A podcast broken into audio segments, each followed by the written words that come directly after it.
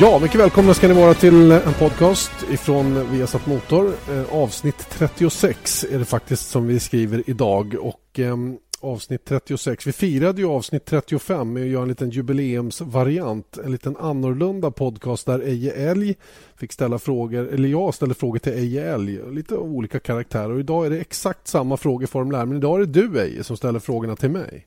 Ja, och du, jag undrar var, 35. Finns det anledning att fira det? Det måste väl vara ännu bättre att fira 36. Jag tycker ja, men... vi gör det här till en riktig höjdpunkt. Du ska grillas idag, Janne. du, du, jag, jag är nästan lite, blir nästan lite oroad över det faktum att du känns så taggad idag.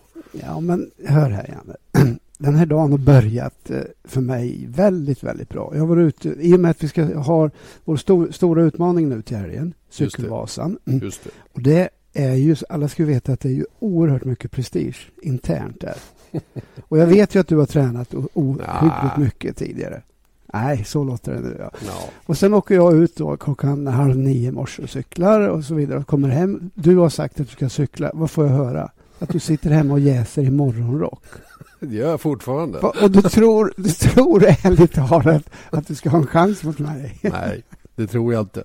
Jag, jag, ja, du ska få se, Janne. Så här är det. Så här är det när vi pratar det här. För det första så ska vi ha något, ska det vara någon form av rättvisa i det här. Då ska vi ha något handikappsystem där ni får en ryggsäck på cykeln. Vi bör, Hallå, du, vi, vi räkna där. in åldern också. Ja, okej okay då. Då drar vi av två kilo då. Nej, det ska, bli, det ska bli spännande faktiskt att se. Jag är långt ifrån lika bra mm. tränad som jag var förra året och jag klarade eh, ganska lätt att komma in under fem timmar. Och jag har satt målsättningen att vara under fem timmar. Ja, det bra. Håller du det bara på, på, på ljuden? Alltså, du har en viss förmåga att stå på näsan ibland. ja, det var en vådlig vurpa förra året. Den kostar nog 20 minuter. Så att, eh, jag tror att eh, under fem timmar det börjar klara i alla fall. Nåväl, det den dagen, den sorgen. Vi har ju lurat med Marcus Eriksson också. Det ska bli kul att se vad han, vad han klarar av. Han var på defensiven direkt där, men jag sa det. Du, den där spillran, han fladdrar väl runt det där hur lätt som helst. Ja, han har ingen vikt och förstånd att dras med heller. Alltså. Så Nej, det, är bara, det är bara gasa. Vet du. Exakt.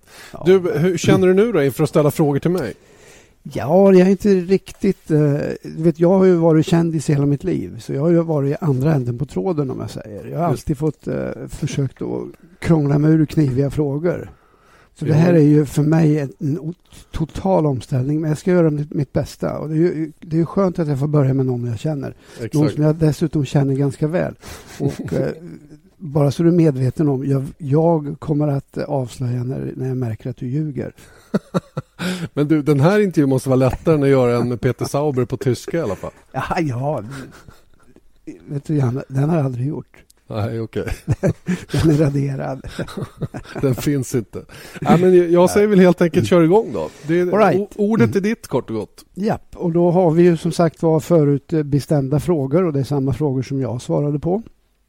Just så. Den, den första frågan lyder vilken motorsportpersonlighet, levande eller bortgången, beundrar du mest och varför? Eh, jag har funderat på den här frågan rätt så mycket faktiskt. Eh, jag har ju naturligtvis tagit upp formuläret och försökt tänka igenom lite grann. Och jag kom fram till en förare som jag tror att du inte riktigt räknar med att jag ska svara, nämligen Eddie Irvine. Eh, och Eddie Irvine eh, tycker jag eh, är värd all beundran som finns. Eddie Irvine eh, kom ju via Jordan in i Formel 1 och han bråkade med Ayrton Senna det första han gjorde. Fick sig en hyvling så det dånade om det efter att ha legat i vägen och, och, och stört. En, en världsmästare på det sättet. Sen så tog han ju då vägen upp i Ferrari. hamnade som teamkamrat till Michael Schumacher från säsongen 96 och han var ju så gjuten tvåa som man kan bli. Det går inte att bli mer tvåa i team än, än, än vad han var där. Och eh, jag måste säga att, eh, att, att, att, köra med de förutsättningarna och göra sådana resultat som han gjorde och faktiskt vid ett tillfälle till och med ha chansen på VM-titeln då när, när Schumacher var skadad eh, säsongen 99. Det tycker jag är värt eh, all beundran som man kan ha faktiskt. Och jag vet att du känner ju Eddie ja. ganska väl också. Han är en speciell lite småstörig typ. Har tjänat ohyggligt mycket pengar. Lever världens godaste liv just nu. Och, eh, jag bara känner att det där är en kille som verkligen tog hand om sin karriär och gjorde det på ett otroligt bra sätt. Och det är värt all beundran i världen. Ja, jag erkänner att jag var, var eh, eh överraskad över ditt svar. Precis som du säger, jag känner Eddie jätteväl. Eh, Eh, vi körde ihop eh, i Japan, vi tävlade mot varandra, vi tävlade med varandra på Le Mans och, och så vidare. Så jag känner honom och, och, och, jag umgicks väldigt mycket med honom privat. Och eh, jag tycker att det är ett väldigt bra val för att eh, allt det här som du nämner det stämmer ju till 100 procent. Eh, vad vi ska komma ihåg också att han kom ju från en bakgrund alltså, där han eh, i praktiken kom till, från Irland till England eh, utan fem öre på fickan och började, började sälja gamla möbler. Han sålde allt som han kom över bara för att finansiera sin, sin racingverksamhet. Och eh, gamla bilar så höll han på och sålde stup i, stup i kvarten. Så att han, han eh, eh, vid sidan av den otroliga talang som han hade som racerförare så var han väldigt medveten om var han kom ifrån. Och eh, precis som du säger, jag tror ingen har utnyttjat eh, sin karriär eller gjort så mycket bra av sin karriär med så små förutsättningar som han. Nej, nej imponerande, verkligen. Bra val. Okay. Vilken lev levande person då i alla kategorier beundrar du mest och varför? Um jag måste säga att eh, jag, ehm, jag, eh, jag tar fram eh, USAs president. Det spelar egentligen ingen roll vilken det är. För att ehm, just nu är det ju Barack Obama som är president i USA och eh, varför jag beundrar en sån person eller just honom då det är ju för att han har ju ett, kan du tänka dig att ha det jobbet? Att ha Nej, det fokuset det på en och samma person som ska vara någon slags världspolis med allt, eh, allt som de har runt omkring sig och alla åtaganden som är till höger och vänster. Och vad han än säger och gör så är det liksom total fokusering på vad det än är. Och det, det kan inte vara ett jobb som, som um, speciellt många klarar till att börja med. Och för andra så tror jag inte att det är ett jobb som um, alla vill ha. Eh, även om det är många, eller ja, det finns ett gäng i alla fall bort i USA. Inte, som, inte ens du som vill ha allt? Vad sa Inte ens jag, nej. Nej. Nej, jag skulle definitivt inte vilja vara president i USA. Fy bubblan. Vissa, vissa delar av det skulle jag kunna tänka mig ha. Alltså en egen flygmaskin som, man, som är som en utrustad kontor. Det tycker jag är fränt. Och, nej, nu är du småaktig. Bo i West Wing tror jag också kan vara rätt trevligt faktiskt med allt vad det innebär. Va? Men själva jobbet där, det, nej. nej. Ja. Så att, nej, jag, jag säger jag USAs president. Då går vi till nästa fråga som eh, lyder vilket tillfälle inom motorsporten har betytt eller påverkat dig allra mest? Ja, och det, det är ju inte något hål i huvudet den här frågan egentligen utan det är ju naturligtvis den här helgen 1994 på Imola den, den, den färgade den otroligt mycket. Jag satt vid tvn vid det tillfället eftersom inte jag hade börjat som kommentator 1994 och såg äh, båda träningarna som kördes. Och jag såg till att börja med när, när Barrichello kraschade och svalde tungan på att stryka med. Mm. En våldsam krasch. Eh, jag satt och tittade i direktsändning på kvalet när Roland Ratzenberger dog och jag minns så väl vad jag tänkte när jag såg honom när bilen hade gått i muren och den gled ut på, på asfalten och man såg huvudet vickade fram och tillbaka i cockpit och jag förstod direkt att det här kan aldrig ha gått bra. Vilket det heller inte gjorde. Eh, och sen på söndag när man, när man laddade upp för det här racet och man satt vid tvn och, och bara yeah, nu ska det bli race och man hade för, förträngt de här två otäcka händelserna och tänkte det kan inte hända något mer.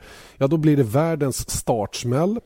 Eh, jag tror att det är JJ Lehto i en, mm, i en Benetton bra. och Pedro Lamy som kraschar. Eller Pedro Lamy kör in i Lehto och eh, som inte kommer av linjen ordentligt. Och ett däck från, från om det är någon av bilarna flyger upp på läktaren och, och skadar en åskådare om inte den åskådaren till och med omkom. Mm. Så, så, så, det fortsatte bara ännu mer. Säkerhetsbilen kommer ut, bilarna börjar liksom att ladda om och man har knappt fattat vad som har hänt.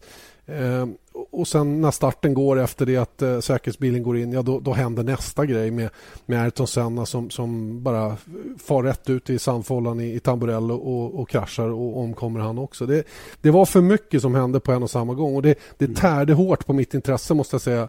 Ehm, och jag hade svårt att återhämta mig efter allt det här som hände. Allt under en och samma helg. Och jag var så fruktansvärd fan vid det här laget. Jag, jag var jag, var, jag följde allt som gällde Formel 1. Och, och, ehm, ja, naturligtvis var ju det en del av, av varför jag är det jag är idag. Men, men eh, det, var, det var en tung helg och det var mycket som hände. Lite för mycket för att ta in egentligen.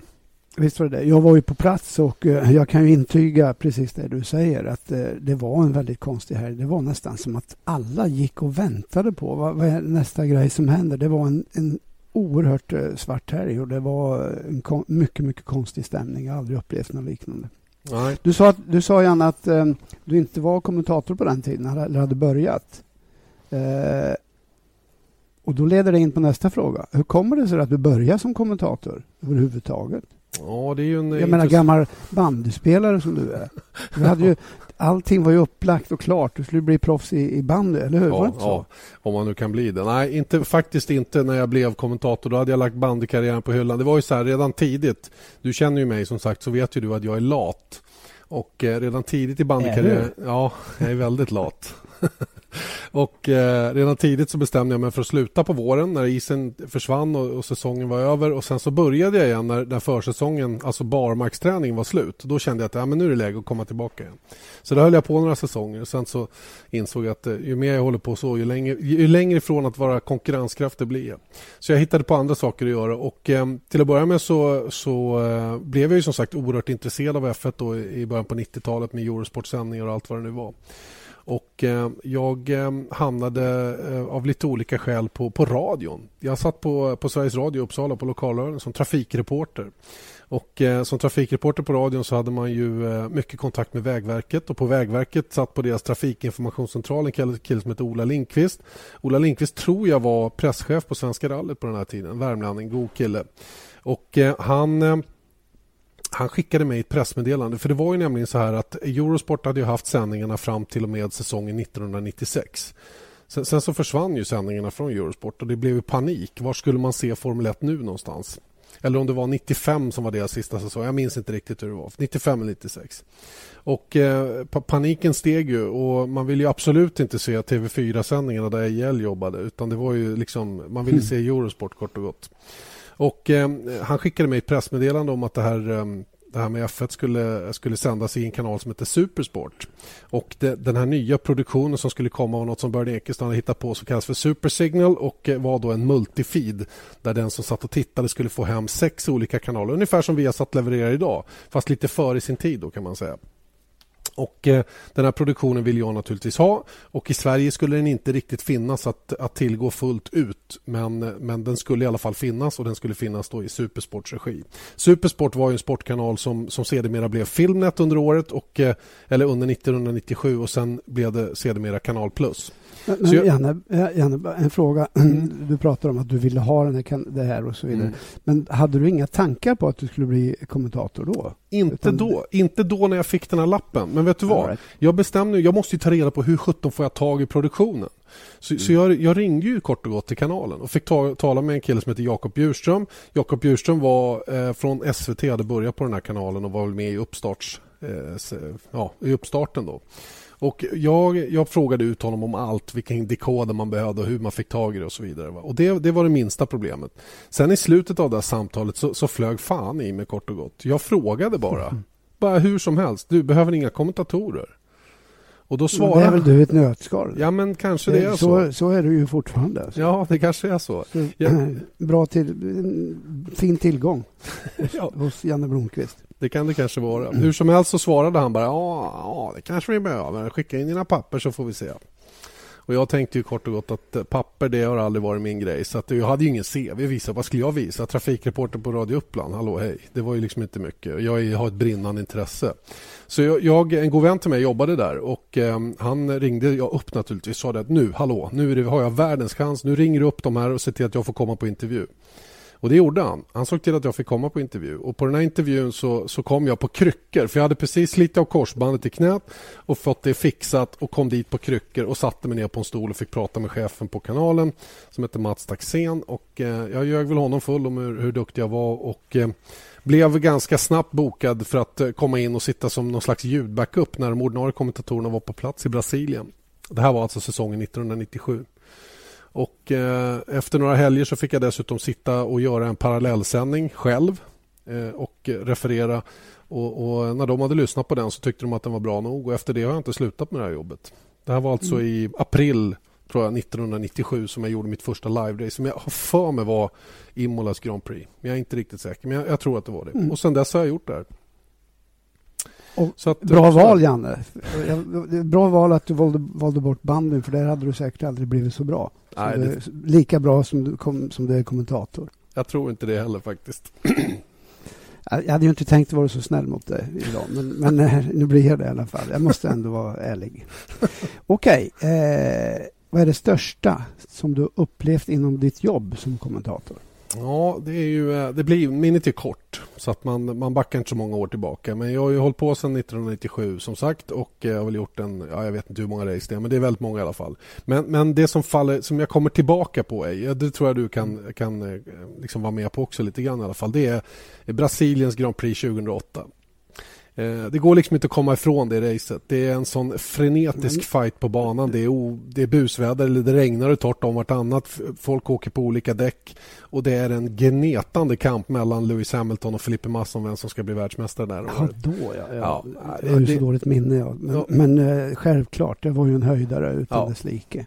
Och eh, den, här, den här bilden på Felipe Massas pappa som jublar och sen så inser han att det gick åt pipan och hur han bara sänker armarna och ser ut som en fågelholk och är bara ledsen. Liksom. Det, ja. Ja, det var, han, det var... han var ju faktiskt världsmästare i det läget. Ja, några sekunder. När, när han gick över mållinjen. Ja, det var grymt och många ja, bråkade på Timo Glock då, som släppte förbi Hamilton men Glock satt ju på helt fel däck. Han hade inte en chans när Hamilton kom och eh, det är inte mycket att snacka om att det, det, var, det, var, en, det var en grym fight och det var ju samma helg vi mm. gjorde den här beryktade resan in på banan också med hyrbilen. Så att, bra helg. Ja, men det, var, det, var, det där är en helg som jag, eh, som jag inte kommer att glömma på många år. Nej, det förstår jag. Vad gillar du mest med, att, med ditt jobb som kommentator, Janne? Jag, jag, tror kanske att det märks lite grann. Jag gillar att prata mycket och jag gillar att uttrycka mig och, och um, framförallt gillar jag ju Formel 1. Uh, eh, jag, eh, jag har kommenterat annat också. Jag har kommenterat uh, fotboll. Jag, jag, har gjort en hockeymatch i mitt liv. Jag har kommenterat bandy. Eh, jag har kommenterat basket, jag, jag, har gjort lite allt möjligt. Och, och um, Själva kommenteringen som sådan, det passar mig. Det passar min personlighet. Det, det passar ja. mitt sätt att vara. Och jag tror det, jag kan vi, Janne, det, det, är ju ganska enkelt. Alltså, för det finns ju ingen, ingen i Sverige som egentligen vet mer eh, om Formel 1 än vad du vet. Det du inte vet det tar du reda på. Ja, lite så. Jag är nog vetgirig så det räcker i alla fall. Sen finns det säkert någon hemma som, som eh, hävdar motsatsen, att jag mest bara pratar och inte har någon koll på någonting. Men jag kan försäkra er om att jag är oerhört seriös i mina förberedelser i alla fall och försöker ha koll på det mesta. Och dyker det upp frågor under resans gång, och det vet du ej. Jag tjatar hård i huvudet på det om grejer som ja, inte jag jo, begriper. Jo, jag vet. För, för jag, att förstå. Vet ju, jag vet ju också, jag vet ju Janne, eh, att eh, vi har ju ett eh, speciellt smeknamn på dig internt. 200-åringen. Exakt. Bara för att du vet allting så du måste ha levt i 200 år. Så att, eh, det är positivt. Ja, men det, jag ser det som en komplimang. Det är, ja. väl, det är väl det som kallas allmänbildning kanske. Jag vet Absolut. inte. Just genom Formel 1-området. Och det är det jag tycker är kul. Jag tycker jag gillar nerven att sitta i direktsändning och, och driva en sändning och reagera på saker som händer. Ibland blir det fel. Mm. Eh, och ibland blir det, eller oftast blir det rätt. Men ibland blir det tokigt. Va? Och det, det får man ju leva med då. Men det är ju det, är ju det som är grejen samtidigt. Att när det är live det är, då man, det är då man ställs på prov. Det är då det gäller att veta. Och jag, kan, jag, jag tror inte att det är så ja, många som skulle lösa den uppgiften hur som helst. Nej, och, och, du och jag, det är väl inte bara du som har fel. Vi kan, både, du, jag, både jag och du kan väl ha fel emellanåt. Men, men eh, precis som du säger, just i, i direktsändning så eh, man måste ju leva sig in i det på ett sätt. Mm. Vad gillar du minst med våra kommentatorer då, Janne? Ja, jag vet inte om det finns någonting egentligen som jag inte gillar med att kommentera. Jag, jag, jag gillar det kort och gott. Och eh, om jag ska ta någonting då som, som är så är det ju eh, det ekonomiska läget som gör att man kanske inte alltid får vara på plats. Det är väl det som man, som man minst gillar med att vara kommentator. Men det är ju en sån faktum är att rent praktiskt så är det ju många gånger bättre att sitta hemma i Stockholm och kommentera. Man har bättre förutsättningar. Det man mister är ju känslan av att vara på plats och mm. odla sina kontakter och hela den biten. Ja. Men och sen kan man ju alltid missa lite skvaller som inte kommer med i tv-bilderna. Med att bara finnas där och gå och äta lunch hos Ferrari Exakt. eller Lotus eller vilka det nu är. Ja. ja. Mm. Eh, vilka ord eller fraser överanvänder du mest i din kommentering? Ja du, det har jag också funderat lite på. Som jag sa till jag, dig. Jag för... vet inte det. Så jag, jag, tänkte, jag tänkte eh, jag har också suttit och funderat på det, men jag vet inte att, du, att det är något ord som du... Jo, men det, det finns grejer som jag säger många gånger. och ehm, men, men faktum är att det är inget som jag kommer på. Jag, det, det, får nog andra hjälpa mig med. Alltså det finns garanterat saker som jag överanvänder i min kommentering som jag borde hitta synonymer för och, och sådana saker. Faktum mm. är Eh, kommer ett litet Janne, tips. Jag, tror, jag är övertygad om att eh, de som lyssnar på den här podcasten har säkert eh, något förslag att komma med. Vi, vi, eh, vi pressar inte dig mer på den nej, frågan. nej. Faktum är i alla nästa. fall Faktum är det att kommer från vår Ja. producent, så jag litar på det. Okej. All right. Vad eh, gillar du mest med Formel 1? Rent generellt alltså. Mm, jag gillar mest med Formel 1 det är ju att det är eh, det värsta av allt. Jag är en sån där, eh, jag är en sån där nörd som eh, var torsk på rymden. Jag gillar eh, de allra bästa musikerna i mitt tycke. Då, såna som är kanske lite mer tekniskt avancerade och som, som gör saker och ting svårare än alla andra och som är otroligt duktiga på det de gör. Och det är precis samma sak med Formel 1. Det är just att det är det ytterst yttersta av allt som finns som, som jag gillar. Och sen vet jag att inte alla i Formel 1 är de här ytterst, ytterst allra bästa, men de allra flesta är det. Och de är där av en anledning, det är för att de är bäst. Och de sitter i det som är bäst. Det är det bästa och bästa och snabbaste och, och mest tekniskt avancerade. Och det är det som är grejen med Formel 1. Jag tycker hela namnet Formel 1 säger allt. Formula 1, det är den nummer uno. Så Ja. är det för mig också. Vad, vad är det du inte gillar? Eller vad gillar du minst rättare sagt med Nej, men- 1? Det är, ju, det är ju lite som du var inne på förra veckan. Det är allt bullshit runt omkring. Det är för mycket politik och, och, och trams. Jag är en otrolig romantiker när det gäller Formel 1. Alltså jag, jag, är, jag är så... Jag, jag vill bara att det ska vara sport och Mm. ingenting annat. Va? Och jag kommer alltid att vara den som lyfter fram det sportsliga hela tiden. Jag, jag skiter ärligt talat i politiken i Formel 1. Jag tycker den är astråkig och jag, jag, är, jag är inte det minsta eh, liksom, Ja, det, i det. det, du säger genomsyrar lite din personlighet Mm. eh, rent generellt när det gäller Formel 1. Och, så det kan jag ju eh, det kan jag hålla med om. Alltså. Mm, Och, eh, men och skillnaden mellan dig och mig i det läget är att jag har varit mer i, i, i motorsporten på ett aktivt sätt och kanske ser ser igenom lite av den här så kallade bullshitten och eh, jag måste ju säga att ibland tycker jag det är rätt så fängslande alltså, att se hur man lyckas eh, eh, på falska grunder egentligen skapa eh, opinioner och, och liknande saker. Jag tycker det är lite intressant. Ja, Det, man ska göra klart för sig det. Alla som sitter hemma och följer Formel 1 nu ska ha väldigt klart för sig skulle jag vilja säga att allt det de läser och får reda på det är sånt som teamen vill att vi ska få reda på. Allt som vi inte ska få reda på det får vi inte reda på. Punkt slut. I, Eh. I många fall så styr ju faktiskt teamen själva eh, hela den här mediabiten. Alltså. Ja, det är bara ja. att konstatera. Ja, verkligen. All right, och nu kommer det mest spännande Ja, på hela frågeformuläret. Vad tänkte du första gången du mötte mig? Ja, Till börja med, var var det? Jan? Ja, du, det var på ett hotell inne i Koblenz. Eh, Jag kommer inte ihåg vad det heter, men jag kommer ihåg precis var det ligger. Jag kom dit med taxi eh, och hela den här situationen runt den här första gången som vi träffades var ju att jag jobbade med en annan produktion i Oslo samtidigt, nämligen fotbolls-VM i Japan och Sydkorea. Eh, Då var, hade var, det det hotellet som ligger nere vid floden? Där? Ja, precis det. Ja, Jaha, där vi bodde senast vi var där. Ja, just precis. Det, ja, ja. Ehm, Och ehm, eh, jag ehm, jobbade som sagt i Oslo. Jag skulle vara där i tre veckor och sitta och göra specialkanaler för fotbolls-VM Ja, och sådana det, saker. ja. Och jag kom därifrån direkt. Jag, jag, jag minns så väl, jag satt i den här lägenheten som hade hyrts till vårt förfogande. Vi var ett gäng som, som satt där i Oslo. Eh, och eh, jag ringde till dig. Eh, ville bara stämma av hur saker och ting var och eh, kände på en gång att det här var liksom, det, det, var, det var lugnt. Det var, det var, du var en, en person som man inte behövde vara orolig för att träffa om man säger så. Jag visste ju mycket väl vem det var och vi, faktum är att vi hade träffats en gång tidigare och det gjorde vi 1997. Eh, Jag, när jag var, skrev autograf åt dig. just det, typ. Ja, just Nej, det var Du faktiskt inte så. Du, du ska vara glad att du fick åka i våran Ja. bil. Eh, Vi åkte nämligen från banan tillsammans och eh, jag har aldrig skrattat så mycket någon gång i hela mitt liv för du, du skojar om någonting och jag Var skrattade var det som en någonstans? Det var på Monza. Vi åkte i Ja, bilen right. tillsammans eh, från banan och eh, då hade jag ingen tanke på att vi skulle jobba tillsammans senare. Men just den här första gången som vi jobbade ihop det var, det var 2002 och det var Europas Grand Prix på Nürburgring den gången. Okay.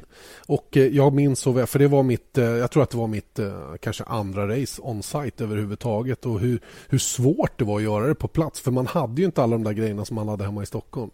Eh, nu, är ju, nu är vi ganska välutrustade när vi sitter på plats va? men då var vi inte det och det gjorde inte saker och ting speciellt mycket enklare. Men, eh, men jag med, det, det, var, det var vänskap från första början. Det var verkligen så här, jag kände bara att det var, det var lugnt och jag upplevde också att det gick bra första gången vi refererade tillsammans. Mm. Jag kommer inte riktigt ihåg det, men, men eh, det stämmer nog. Mm. Jag hoppas det.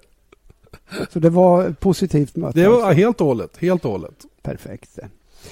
Hörru du. Eh, då ska vi gå in på lite andra saker här. Så Går vi på djupet? Perfekt lycka, Janne. Vad är det ja, du. i din värld?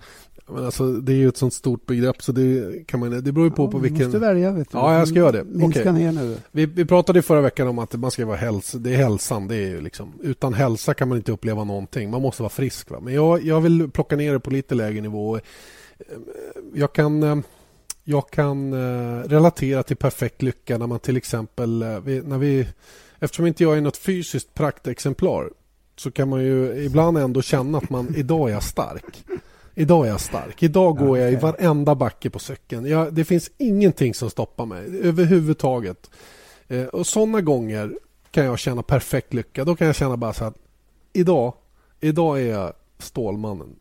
Sådana gånger, de är väldigt, väldigt få under året. Men de, de kommer lite då och då. När man har någon sån här sjuk dag när allting bara lirar. Blodet pumpar i rätt mängd och musklerna bara mår bra och hela allting är perfekt. Då är det, då är det perfekt lycka. Så är det för mig. Ja. Bra. Bra, bra. Då undrar jag, vad är din största rädsla i livet? Ehm, ja, det finns ju lite olika nivåer på det också. Då, men min största rädsla är ju naturligtvis höjder, precis som dig. Jag är mm. maniskt höjdrädd. Jag är värre än vad du är, skulle jag vilja säga. Och, eh, ja, men det, det går inte. Ja, och det gör det faktiskt. För jag ja, mår ju fysiskt... Kommer du ihåg vad jag svarade? Att jag kan titta på en bild, alltså någon som står eh, står för nära en, en klippa och, och få svindel. Ja, det måste vara världsrekord, tycker jag. Det kan jag känna också, helt klart. Va? Men jag, eh, jag minns när vi åkte helikopter med en god vän till dig och han, eh, han, jag, jag fick sitta i fram. Mm. Och, och, så säger han till mig så här, May I drop the nose? sa han bara. Ja, gör det du, sa jag. Och så bara dök vi rakt ner. Och, och den typen av upplevelser. Och även här är jag alltså höjdrädd trots att jag vet att jag sitter säkert och, och, och ingenting kommer att hända. Va? Men, men, på något sätt så styr känslan över förnuftet på ett alldeles fruktansvärt sätt. Och jag har en liknande rädsla för vatten.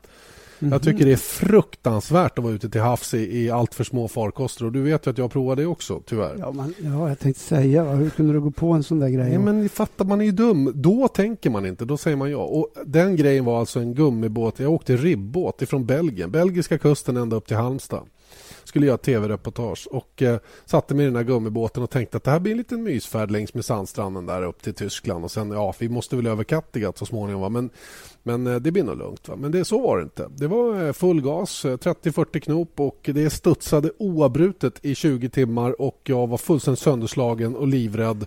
Och, och ja, ville ja. Janne, det, jag kommer så väl ihåg det där för du berättade med inlevelse hur det hade varit och jag, jag led med dig. Alltså. Men samtidigt så är det bara att konstatera, du säger att den rädslan du har för vattnet, men du är ju modig också som ja. hoppar på något liknande projekt. Det är jag, helt otroligt. Jag tar tag i det i alla fall, men, ja. men uh, inte med någon slags välbehag. Tvärtom. All right. Mm. Okej. Okay. Vilken egenskap hos dig själv uppskattar du minst? Ja, det alltså. vi har ju redan berört det lite grann. Jag är lat. Va? Det, är ju, det är ett problem. Det är alltid ett problem att vara lat. För att, um, det finns två olika typer av lathet. Det, på jobbet är jag aldrig lat. Jag tror inte det är någon som jobbar hårdare än vad jag gör många gånger. Men, men mm.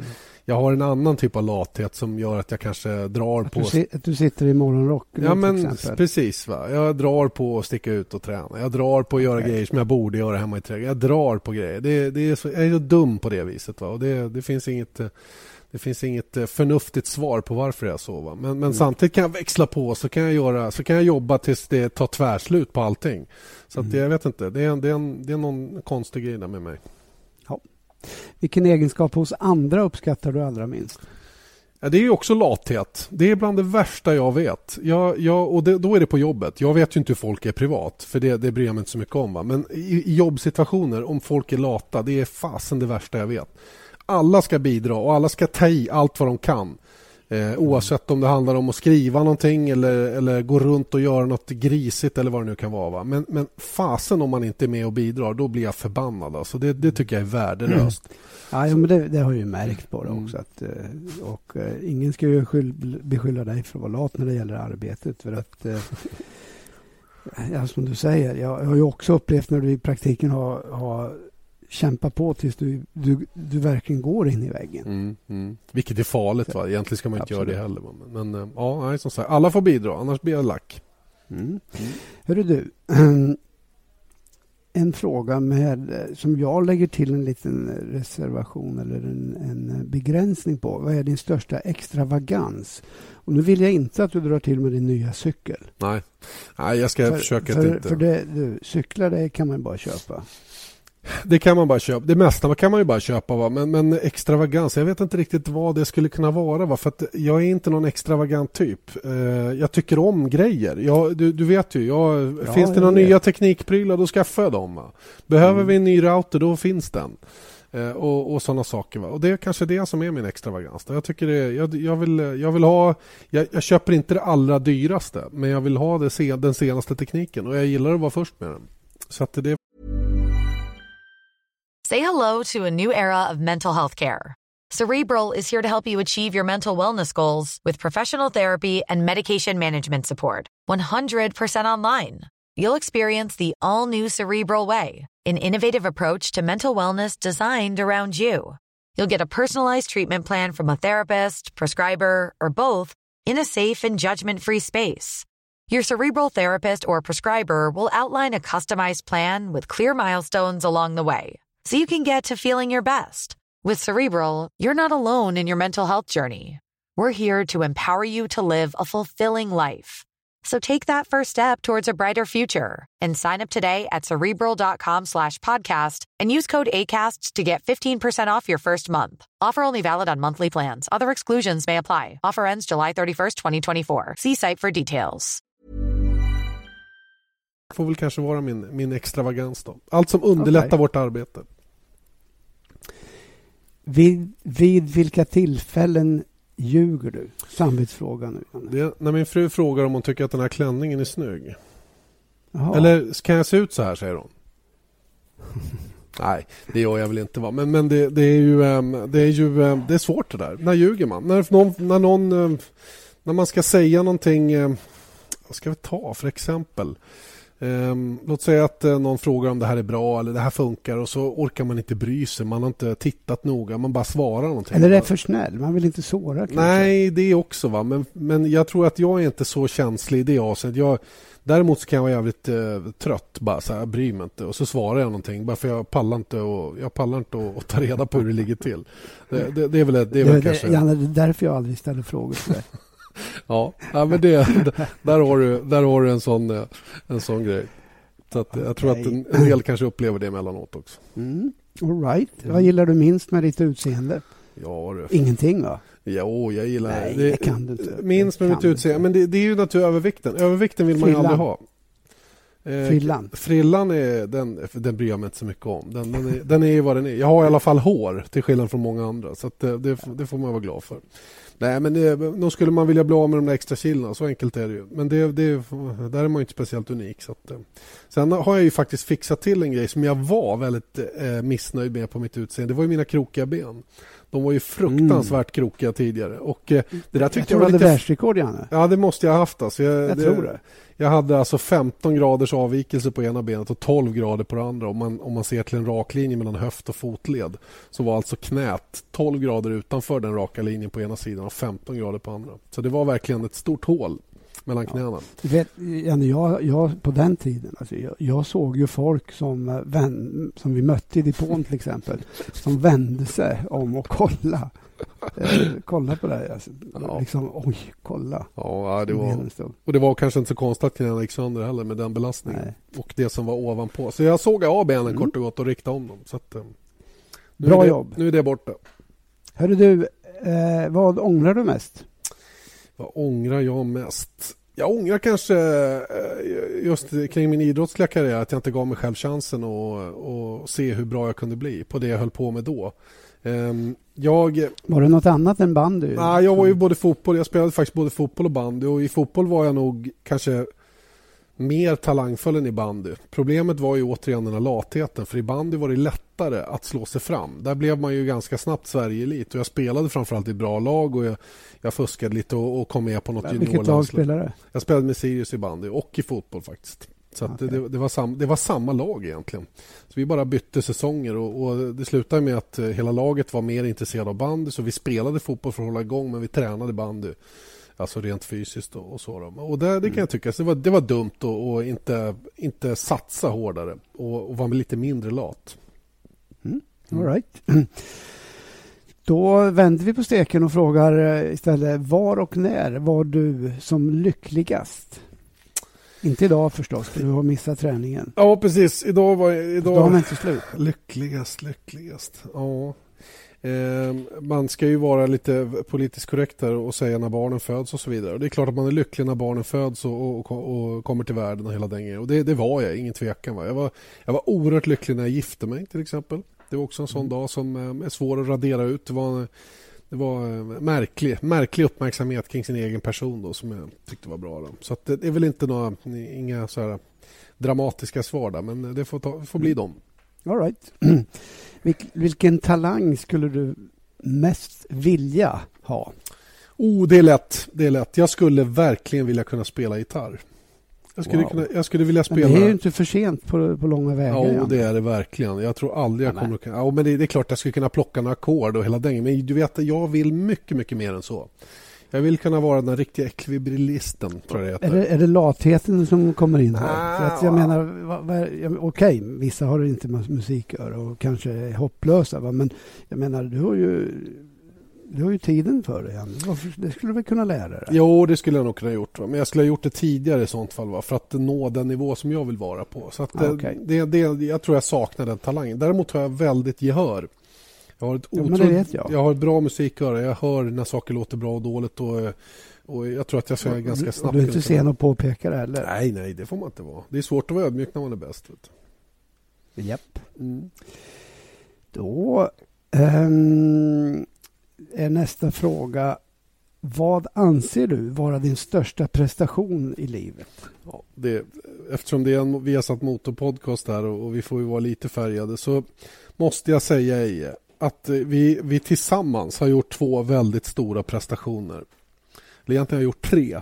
Va, eh, du och jag? Du och jag. Och jag bidrar ju ganska mycket till de här två prestationerna. Vi gjorde alltså en, en sändning på över fem timmar från Kanada. Det oh, tycker ja. jag är en prestation med så lite som hände under de här fem timmarna totalt sett. Det var ju naturligtvis action när det väl hände någonting men all den tiden vid sidan av det var en grym prestation eh, att, eh, att eh, men, hålla liv i Det var väl jag som höll, höll igång det? Ja, det, det var det. Men jag bidrog på mitt du lilla sätt. Du satt ju och sov för det mesta där. Nej ja. då, skämt åsido. Nej, men du, det var helt otroligt. Det hade jag förträngt det där. Ja. Och glöm, det, var ju, det var ju pest alltså. Och glöm inte då att de stora bolagen har um, har eh, massor med folk som de kan lämna till hela tiden. Va? Men vi har inte det. Nej. Vi fick ju sitta där och bubbla. Och det här var alltså Kanadas Grand Prix, eh, kan det vara två, två år sedan. Eh, och eh, regnet bara öste ner. Det öste ner så mycket så att eh, man fick avbryta racet helt enkelt. Vattnet mm. rann inte undan och, och det drog ut på tiden och alldeles vansinnigt. Va? Dessbättre startade det någorlunda i tid så att det var ingen fara för, för mörker även om det var på gränsen på slutet. Mm. Och um, det, här, um, det här fick vi ta oss igenom kort och gott. Den det, andra... det var helt otroligt Janne att vi, att eh, nu ska jag inte skryta om, om oss va? men att vi höll det där igång. Mm. Och det som var, tycker jag var helt ofattbart eh, var att jag efter, efter det, när vi kom hem, träffade folk alltså som sa som, som påstod att de hade suttit och lyssnat på alltihop för de tyckte det var intressant. Mm, mm. Ja, det är ett jättegott det, betyg. Alltså. Bättre ja, betyg var, kan man inte det. få. Den andra gången var i kval i Brasilien. Var väl ungefär, kan det ha varit samma säsong? Vi hade ett sånt där enormt långt kval som också var regnstört och det vi fick vänta och vi fick mm, vänta. Ja, vi fick vänta. De, åkte av eh, stup i kvarten. Ja, just det. Just det, just det. det ja. kan det säkert ha varit. Ja. Och Sen hade jag ju naturligtvis förra året i Belgien eh, GP2-race och den är kanske större för där är jag själv. Eh, GP2-racet i Belgien som också, det var någon krasch och det var det ena med tredje som gjorde att eh, Eh, alla fick vänta jättelänge och det var en GP2-sändning som var över två timmar lång. Och det, de här, de här sänd, det är svårt för folk att förstå kanske men att sitta där själv med lurarna på mm. och du har bara bilden att luta emot och då gäller det att tömma hårddisken på det material man har. För man har inte heller tid att sitta och leta efter information utan att det märks i sändningen. Det kanske det gör för en del det märks att man, man jobbar på att hitta grejer att prata om och så vidare. Va? Men, men jag tror att för dig och mig så brukar det mesta falla sig ganska naturligt när vi, när vi väl sätter igång. Ja, i alla fall när vi, när vi har varandra Mm. att förlita oss på, eh, så att säga. Men eh, jag måste säga att, eh, att du gör det själv i vissa gånger, det är för mig helt, ofatt, helt ofattbart Mm. att du klarar det. Faktum är att då har du nästan svarat på, på eh, nästa fråga. Ja, det har jag eh, nog. Vi tar, tar den i alla fall. Vad anser du vara din största prestation med motorsportsanknytning? Naturligtvis kan det väl vara något annat, men eh, det är ju kommentator du är. Men jag, jag, jag funderar på, det kan ju vara... Jag vet ju att du har slagit världen med häpnad i dina rallytävlingar till exempel. Kan det vara någonting? Eller? Nej, det tror jag inte. Var det Ja. så roligt det? Ja, menar, men det, det, det, har ju, det har ju, i alla fall i mina öron har det låtit som att du har varit kungen på rallyvägarna där uppe i Uppland. ja, ja, men så är det Stämmer kanske. inte det Jo, jo, jo, absolut, absolut. Jag måste säga att det måste ju vara mitt speedway, min speedwaykörning som, som kanske är min allra största prestation i sånt fall. Så Ja, hur gick det då? Nej, det, höra det. det, gick väl ehm, det gick väl inte så bra. Jag var inte så snabb. Men jag var snabbare än han jag åkte mot. Och det, det får ju vara en prestation i sig. Jag är speedway, det kommer jag aldrig att prova igen. Jag, jag har varken storlek på kropp och knän för att, för att stå emot dem där. Men med motorsportanknytning, ja men det är väl de här maratonsändningarna som vi har haft då. Och, ehm, Mm. och min rallykörning får vi lyfta fram också. Såklart. Bra. Då undrar jag följande. Vilka är dina favoritfilmer med motoranknytning? Motoranknytning, favoritfilmer. Jag vet inte om det finns några egentligen. som De blir inte bra. Alltså. Så enkelt är det. I alla fall inte de som har varit. Speed Merchants pratade vi om förra, förra veckan och eh, jag vidhåller att dokumentärer är det enda som funkar när det gäller, eh, när det gäller filmer. Och det ska bli oerhört spännande att se den här nya filmen Rush när den, när den nu kommer. 4 oktober är det premiär för den i Sverige och eh, den, här, den filmen har ju fått mycket lovord och sådär. va. Men jag, jag är lite reserverad faktiskt för sportfilmer överhuvudtaget. Speciellt eh, filmer där jag själv har bra koll på hur det borde vara, själva tävlingsmomentet. Så att säga då. Så att, eh, men eh, om vi säger motoranknytning generellt så gillar man ju sån här film som Bullet till exempel. Eh, Steve McQueen eh, när han kör, kör mycket bil i filmen men inte där det är tävling. Då, så att, eh, nej, jag vet inte om Mm. jag har någon favoritfilm. Jag vet vilken jag hatar mest i alla fall och det är Driven kort och gott. Åh, herregud. Mm. Vilken katastrof. Ja, alltså. det var- Men, men eh, det vart ju ingen, ingen eh, höjdare på Nej. något område egentligen. Så det... Jaha, och eh, det är också intressant. Vilken är den bästa bana du har kört på? Ja, Du har väl kanske inte riktigt samma urval som mig, men jag vet eh, att du har kört spa. Ja, och det är ju, går inte att ta bort den. Och speciellt inte när man får åka en På sån bil som jag. På, på cykel, ja. Eh, Har du, har du kört bil också? Ja, där, alltså? visst, men visst, visst. Hallå, du är ju riktigt erfaren. Jag är oerhört erfaren och det var inte vilken bil som helst. Det var en Audi R8 som vi fick chansen att åka på spa. Och eh, de här varven i naturligtvis hällande regn var ju lite det, ska, det, spännande. det ska vara det där. Det ska det vara. Det är ingen tvekan om saken. Och man får ju verkligen klart för sig svårigheterna med att tävla. Eh, för jag tävlade ju inte, men vi låg i en kö och vi låg ju bakom en pacebil som, som eh, irriterande nog körde ifrån en så fort man försökte åka ikapp den oavsett vad man gjorde. Eh, och, och, så och, kan det vara, då är det inte så roligt. Vet du. Nej, men faktiskt inte. Va? Men, det, men du vet, när man sitter i en sån bil eh, och, och har marginal framåt och ändå inte ser de här bromsskyltarna förrän det är för sent Mm. egentligen. Då fattar man ju hur fruktansvärt svårt det måste vara att köra racerbil när det regnar. Och, och ehm, återigen, alltså, man, eh, man, kan aldrig, man kan aldrig sluta och imponeras av sådana saker. Men spa är absolut den bästa Spa. banan. Hur, hur, ska man kunna, alltså. hur, ska man, hur ska man kunna välja bort den? Om, om vi pratar om vad jag kört. Jag fick ju åka bredvid Mattias Ekström på Nürburgring på, på Nordslingan också. Det var ju en upplevelse också som är, Mm. går utöver det vanliga. Okej, Mm. ja, två bra alternativ. Ja. Vilket race i Formel 1-kalendern är det bästa att resa till? Mm. Allt sammantaget ja, med, med resa, hotell och Ja. stad och hela den grejen. Så eh, du, ja, sa priser och Ja. ja. rubbet alltså. du sa Budapest va? Eh, Det är alltså en rekommendation till, eh, till de som ska åka och titta. till de som ska ut. Ehm, ja, allt sammantaget. Numera när, när det har blivit lite ordning på racingen så är det svårt att bortse från Barcelona. Barcelona är en fantastiskt fin stad. Helt otroligt fin stad. Det är en liten bit ifrån Barcelona upp till, till Montmelo där banan ligger. Men, men det är motorväg, det är ganska Ja. enkelt att ta sig Ja. dit. Alltså. och allt sammantaget då med, med lättheten att resa till Barcelona. Vädret som brukar vara precis lagom varmt. eh, festen som är ofta mycket folk i Barcelona och sen det man kan göra på kvällarna vid sidan av är också mm. väldigt bra. Va? Så att, eh, Barcelona är svårt och nu är dessutom racingen bra där. Den var ju lite trist några år när inget, ingenting hände mm. va? och det var, gjorde att man inte riktigt ville rekommendera den. Va? Men Numera och sen publik, eh, publikplatserna igen. Jag tänker på sista sektor 3 ja, där. Ja. Sitter du på läktaren där så det är ju bättre kan du aldrig få det egentligen. Nej, nej det är sant. Ur är sant. synpunkt. Helt sant. All right. Eh, mm, vänder på steken. Vad är det sämsta stället ja, att åka till? Vad är det till? sämsta stället att åka till? Um, måste man ju tänka lite till. Där. Du sa Silverstone. Jag är, inte, jag, är inte, jag är inte helt överens med dig där. Jag tycker Silverstone är ändå... Det är så pass klassiskt att vara där och det väger upp allt skit som har varit runt omkring. Det är klart att jag också har varit toktrött på att sitta i bilkön när man ska därifrån och även in till banan. Va? Men men det har ju funkat bättre nu. I år funkar det riktigt Ja, det har det, det, har det definitivt gjort. Va? Jag, jag gillade aldrig Imola, ärligt talat. Eh, Imola tyckte inte jag om. Det var ett konstigt ställe. Det var gammalt och ruttet och skruttigt. Ja. Och, och, och fruktansvärd trafik både dit och, och exakt, hem på kvällarna. Exakt. Va? Så att, eh, nej, Imola får nog bli om jag måste välja ut någon av banor som har funnits i kalendern. Nu är inte den med på kalendern just nu då, men, men eh, det får bli mm. så. All right. Samvetsfråga. Mm. Och eh, du sa att du inte ljuger om sånt här tidigare. Ja, Hur fort har du kört? På bana och i trafiken. Och i trafiken. Vi börjar på bana då. Eh, kört själv, jag vet inte hur fort det går. Man hinner ju aldrig titta på det. Men låt säga 250 kanske. Och eh, jag har åkt på bana fortare än så. Jag fick ett unikt tillfälle på en, på ett, på en reportageresa att åka med David Coulthard i en Mercedes SLR. Och jag fick wow. göra det på Paul Ricard och vi åkte hela... raka? Ja, två långa raker. Och där gick det 300 km i timmen.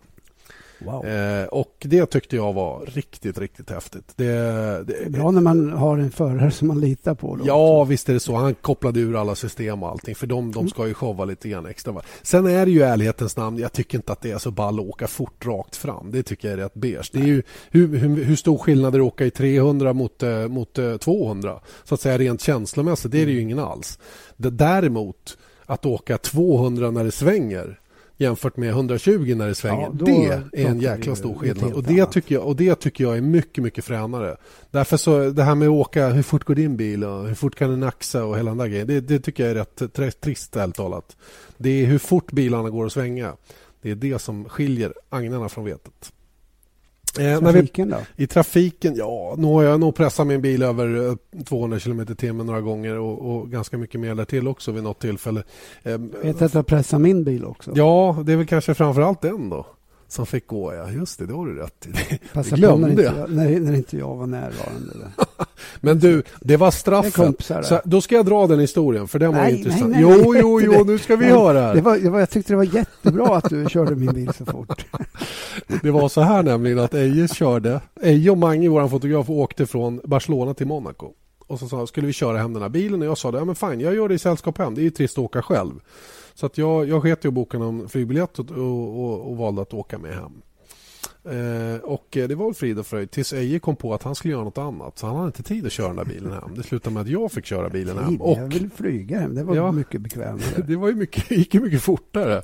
Jag sa så ju, förra gången så sa jag att jag ljuger lite eh, härs och tvärs. ja, men det var ju lite... Men Mange och jag, vi tog hem din bil och vi gjorde det ganska snabbt. Så att eh, okej, okay, det var kanske då jag körde allra, allra fortast. Så snabbt så du inte vill, du vill inte ens prata om Nej, det. Bara, säger, du bara kallar det snabbt. Alltså. Ja, det var en ja, tvåa, oss med det. tvåa först och tre siffror. All right. Eh, vilken är den vackraste Formel 1-bil? Eh, historien. Genom historien. Mm, ju... Du får gå hur långt bak du vill. Alltså. Ja, och jag är, inte någon, jag är inte någon torsk på de här gamla eh, cigarrkorvarna. Jag tycker de är rätt trökiga och ser töntiga ut med de här smala däcken. Så jag, jag är nog lite längre fram Just äh, instiftat ett nytt ord, cigarrkorv. Ja. ja, men de såg ut som det. Eh, jag landade någonstans eh, ja, 90-91 92 där någonstans. De bilarna tycker jag var fina. Breda, Ja, fina det. däck. Och eh, den, den, eh, den Williams-bilen som, som Nigel Mansell vann med, den var ju läcker. Och den var snabb.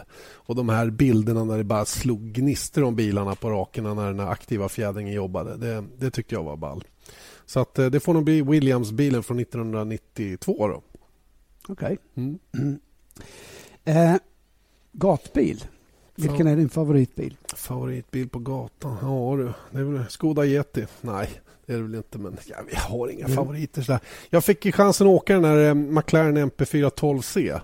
Eh, inte köra, men sitta bredvid. Och den tyckte jag var, den, den var cool. Audi R8, alla de där bilarna, de här, de här ehm, eh, fina Porsche och sådana grejer. va. Det är ju så lite som skiljer dem när man väl sitter i bilen. Och jag pressar ju aldrig sådana bilar så att jag vet om, vad, vad som skiljer dem åt när man, när man lyfter ut dem helt och hållet. Eh, liksom i, verkligen på gränsen. Mm. Så att, eh, de, de där bilarna är ju alltid trevliga. Den, den första superbilen jag åkte det var väl en Ferrari 355 tror jag. Så det, jag väljer den då. Den tyckte jag var lite frän. Okej. Ferrari. Mm. Jag har för mig att... Eh, F12 har jag åkt. Ferrari F12 med en Ja, V12 ser på du. 740 hästar. Ja, den var ju bra också. då var du med lite du, Janne. Ja, ja. Men nu, om du, om du skulle dö, alltså Mm. inte vara med längre Mm. och sen Mm. återuppstå som en person eller en sak. Vad tror du? Inte vad vill du, utan vad tror du att det skulle vara? Vad tror jag att det skulle vara? Ja, det kanske skulle vara som en bil då. Jag har ingen aning. Så kan man inte Med se på sig raka rör och kromade Nej, fälgar. nej, nej, nej, nej, inget sånt. Jag skulle vara en praktisk Volvo FH12. Som, eh, som eh, var F8 lite... är ju en långtradare där. ja, men ta en sån då. Som är lite halvtrött, flytta grejer fram och tillbaka. Det skulle nog vara jag, tror jag. Ja, Okej, Mm. ja men det var lite fränt. lite fränt alltså. Mm. De dricker mycket. Ja, de gör det. De dricker mycket, mycket diesel. Törstiga, kort och gott. All right. Om du skulle vä- kunna välja, vad skulle det uppstå som? Mm, nej, men då skulle jag bli... Då skulle jag bli... Först, då skulle jag bli rymdfarare. Jag skulle bli pilot på en sån här rymdfärja. Men du Janne, de, de, de bara tränar och tränar och tränar. Det ligger inte för dig. Och sen Nej. jobbar de, eh, jobbar de några dagar och sen tränar de i fem Men år. du, jag, kan inte jag, du gillar inte träning. har du sett filmen Space Cowboys? Med Clint Eh. Eastwood och Tommy Lee Jones och eh, det var, Nej. vad, vad hette han då? Donald Sutherland och så var det någon till. James Garner tror jag. De fyra, de Jo, fick ju jag förbereda sig för... Ja, de tränar ju inte ett dugg. De fick ju åka upp i alla fall. Så att, eh, Ja, ja. okej. det får väl vara dem då. All right. Ja. Vilken sak som du äger är mest värdefull för dig? Mest värdefull för mig? Ja, vilken... Ja, vad är det då? Mitt hus, det är väl värdefullt för mig. Ja, utan det så hade jag ingenstans att bo. Fint att- hus. Ja, det tycker jag. Jag bor ute på land där. Så jag, jag får nog så lov att säga mitt hus, det är min borg. Jag, jag har nästan blivit lite knäpp så där när jag är borta så tar det inte många dagar förrän jag vill åka hem igen.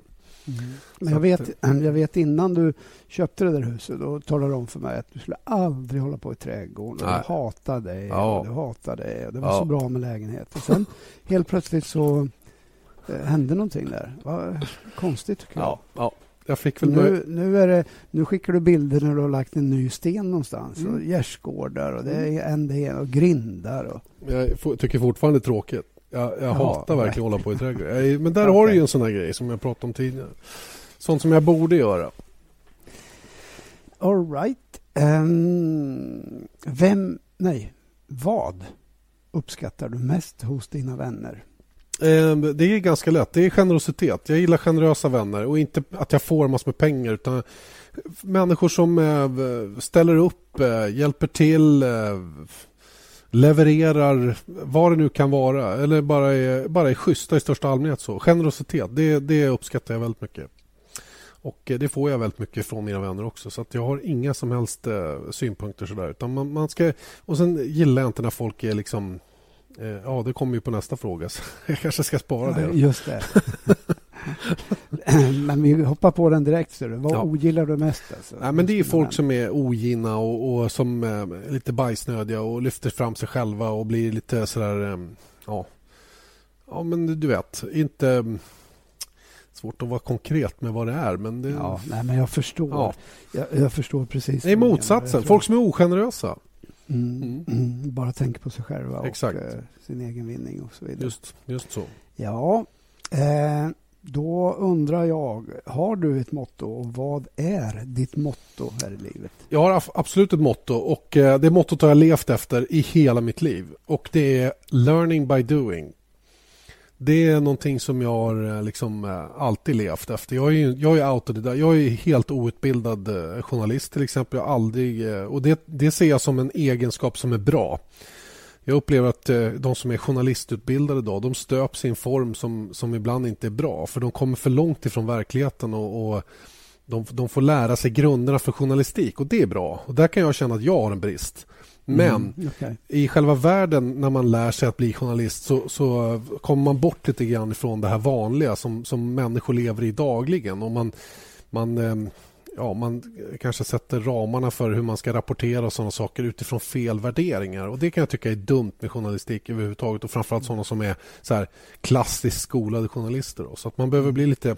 Så jag är nog den där, jag är en sån där som har bara lärt mig av mig själv. Ja, då kommer man in lite på, på det vi har pratat om förut, Janne, när du och jag stod med eh, en kamera ut på ett gärde någonstans och eh, gjorde inslag till eh, Viasat, oh, Herregud. Ja, det är ju minnen faktiskt. Vi har stått på en bondgård i Frankrike med, med ett kamerastativ som vi hade lånat som inte passade. Och, jag fick ställa mig på en, på en tegelsten för att ja. komma upp lite. Ja, men du, snacka om att vi har löst problem som vi har ställts inför.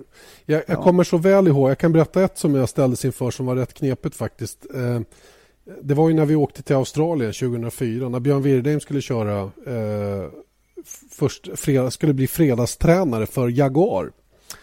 Mm. Och ehm, jag skickas av TV4 som jag jobbade för på den tiden då, till Australien för att eh, göra det här lite extra. Jag vet att vi skulle ha studio och sådana saker hemma då under den här träningen mitt i natten klockan två på morgonen svensk tid. Och ehm, jag var tokladdad och fick reda på det här i sista momangen. Hade ju återigen opererat ett knä så jag studsade runt med en krycka och ehm, eh, landar i, eh, i Melbourne klockan halv åtta på morgonen. Du och jag eh, stötte ihop tror jag, i Singapore. Det var bara det att du satt längre fram i flygmaskinen än vad jag gjorde.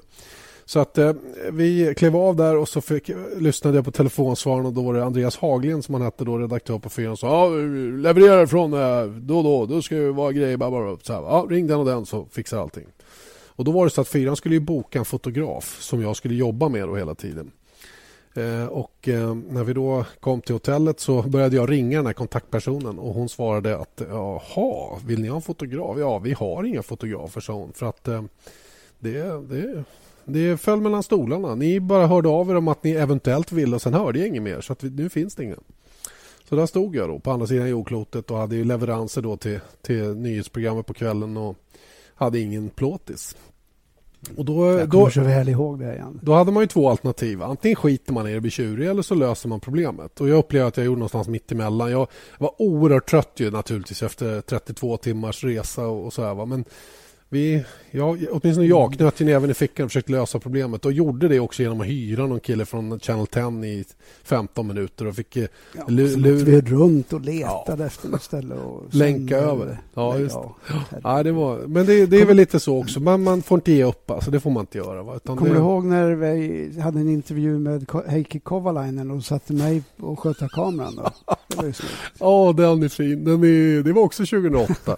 Det var Heikkis enda seger och vi hade ju lite påpassligt nog fått en tid med Heikki innan. Han hade, hade han inte tagit pole också? Tror jag. Ja, jag ja. Strunt samma. Vi, jag, vet bara, Janne, jag vet bara att jag kan inte ens ta, använda en stillbildskamera och så satte du en tv-kamera i, på axeln på mig. Ja, men vad skulle vi göra? Vi hade inget att välja på. Det var bråttom som saglanch och... Det blev eh, inte bra heller. Nej, det blev det inte. men eh, hallå, man kan inte få allt. Nej. Man kan inte få allt. Hörru du, jag tycker du har klarat det här med glans. Tack. Janne. Det Tack. finns bara en liten fråga kvar. Och den lyder, vem vinner Formel 1 VM 2013? Det är Lewis Hamilton. Wow. Baserat på att han var så stark i Ungern eller? Jag tycker att, att det är baserat på trenden som vi har just nu. Ehm, baserat på kanske önskan. Ehm, jag delar väl den som många andra har. Jag vet att jag har ingenting mot Vettel på något sätt. Va? Men det är roligt om det blir lite variation på de som vinner VM-titlar. Och vinner Vettel VM i år så är han så oerhört välförtjänt vinnare också. Eh, jag tycker att, ehm, han får fortsatt oförtjänt lite cred för det han åstadkommer. Eh, man ska inte behöva straffas för att man sitter i en och samma bil hela tiden och vinner sina segrar. Naturligtvis så kan det vara bra att bevisa sig i något annat material men, men Alonso som hålls så högt, han har inte vunnit VM i någonting, in, i någonting, ehm, i någonting annat än i Renault till exempel. Mm. Så att, ja, jag, kan ja. bara, jag kan bara hålla med där. Mm, och, mm. Jag tror att Eh, ja, som du hörde i förra podcasten så tror jag fortfarande att det är Vettel som kommer att vinna. Men eh, det börjar utveckla sig lite, lite det blir lite, lite intressant just nu. Det ska bli mm. intressant att se vad Mercedes och Hamilton orkar, orkar prestera i fortsättningen. Verkligen. Hörru, ja. du, då är jag eh, klar med klar. min debut som intervjuare. Skötte jag mig bra? Du skötte ja. det bra i alla fall. Ja, jag tycker nog att jag var ungefär i samma nivå som dig. Jag tycker ja. vi var bra bägge två. Som vanligt. som vanligt, ja. Perfekt. Och det leder oss in på det. vi ska avsluta där också idag. Vi har hållit på länge idag. Det har varit himla kul där. Så att, eh, när man pratar mycket då tar, drar det ut på tiden. Men hur som helst så ska vi puffa lite för det som händer i helgen. Eh, vi har ju självklart MotoGP då, som är tillbaka den här gången från Indianapolis. Ingen av våra favoritbanor är även om det är ett häftigt ställe att åka till. Eh, nu åker man åt andra hållet än man gjorde när Formel 1 var där. Alla klasserna åker MotoGP alltså på Indy den här helgen som kommer. Speedway Grand Prix, Lettlands Grand Prix på Lokomotiv Stadium i Daugavpils i Lettland. Sydligaste Lettland ner mot gränsen mot Vitryssland och Litauen ligger Daugavpils. Aldrig hört talas om. DTM har vi förstås ifrån eh, Nürburgring och eh, Formel 3 med Felix Rosenqvist och sen absolut eh, inte minst men på slutet här Nascar och Nationwide Series från Mid-Ohio, en så kallad road course igen då, precis som vi såg ifrån The Glen med Sprint Series i eh, i Sprint Cup Series i helgen. 20.30 på lördag, Nationwide Mid Ohio med Alex Danielsson i en av bilarna. Det blir en höjdare där för alla som gillar amerikansk racing. Vad, eh, vad, vad pysslar du med nu? Eje? Nu är det ju kolhydratladdning som gäller. Men jag har inte börjat med det. Men, ähm, Håller jag på med jämt. ja, nej, men jag... Ja, ja, du, jag får besök idag från Singapore, ja, just långväga faktiskt. Att, det. Eh, det. blir mycket besök på sommaren här. Det har varit engelsmän här alldeles nyss och det har varit italienare. Och eh, sen försöker jag få in något, något, träningspass på hojen. Och sen är det ju cykelvasan till helgen. Just så att, äh, mycket tvåhjulsåka nu i helgen. Vi syns kort och gott Både på tv och, och, och, för vår egen del. Ja, men exakt. Vi, eh, vi syns kort och gott uppe i Lindvallen. Då. Men du, börjar du bli lite nervös att jag ska slå dig? Eller? Ja, det är jag. Ärligt talat. Det är jag. Mm. jag eh, det blir vad det blir. Det. det blir vad det blir. Jag gör jag mitt vet, bästa. Får vi se långt sätta några pengar på det tycker du? Eller? Nej, ja i och för sig betta mot dig. Det är ju inget. Då vinner man ju bara. Det är som att sno pengar från barn. Ja. Det blir right. kul. Det blir kul. Vi syns på lördag.